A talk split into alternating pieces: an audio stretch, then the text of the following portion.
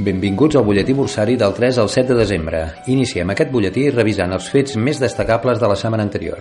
Titular. Les borses europees tanquen a l'alça després de la moderació en la tensió política entre la Unió Europea i el Regne Unit.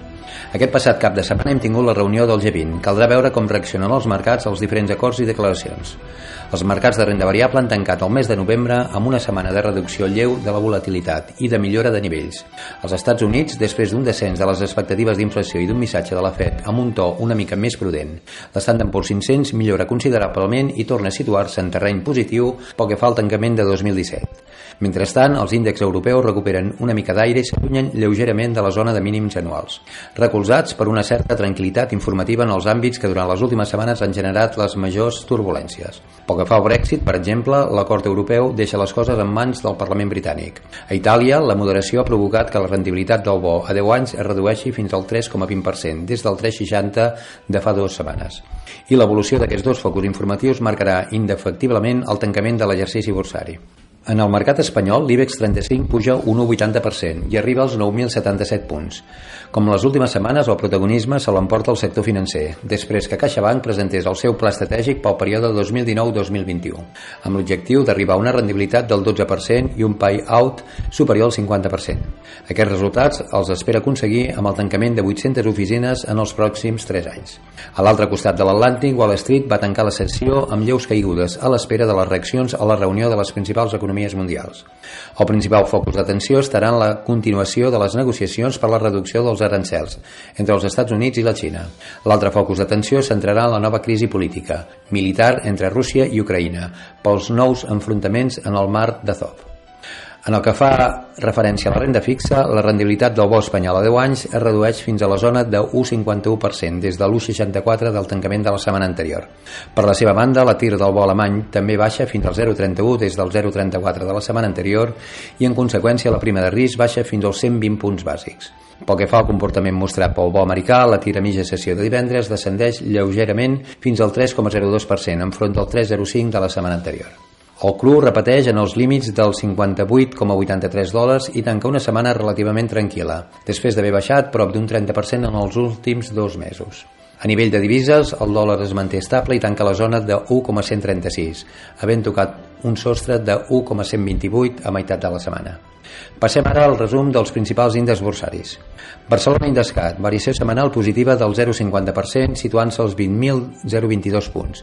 La variació anual seria negativa del 2,68%.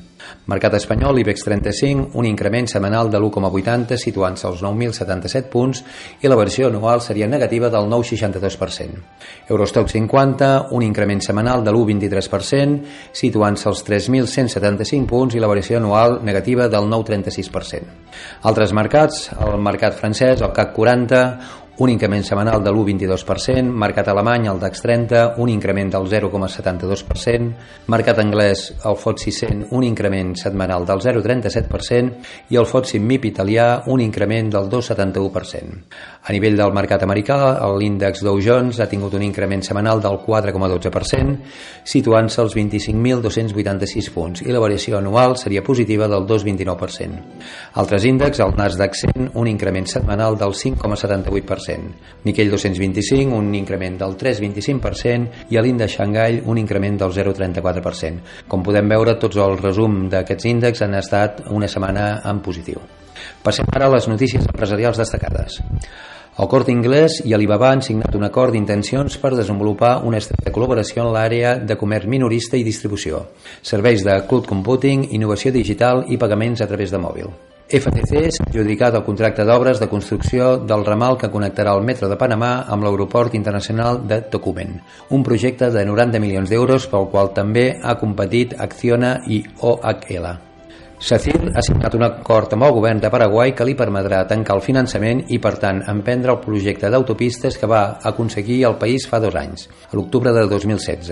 Projecte estimat en uns ingressos de 1.470 milions de dòlars. L'empresa danesa Hempel ha inaugurat aquest dijous un nou centre d'excel·lència de recerca més desenvolupament a Santa Perpètua de la Moguda. La multinacional ha invertit 6 milions d'euros a les noves instal·lacions que crearan 30 llocs de feina i donaran servei a tot el grup a escala internacional. El Port de Barcelona ha gestionat un trànsit total de 56,6 milions de tones de mercaderies entre el gener i l'octubre, una xifra que representa un increment de l'11% respecte al mateix període de l'any passat, segons ha informat aquest dilluns l'autoritat portuària. Passem ara a l'apunt sobre economia catalana. L'ocupació en el sector dels videojocs a Catalunya s'ha més que duplicat en els últims 3 anys, impulsat pel paper de Barcelona com a capital tecnològica.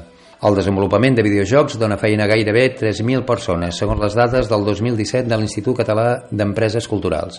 L'ocupació que genera el sector Catalunya representa gairebé la meitat de l'ocupació de l'oci digital a Espanya.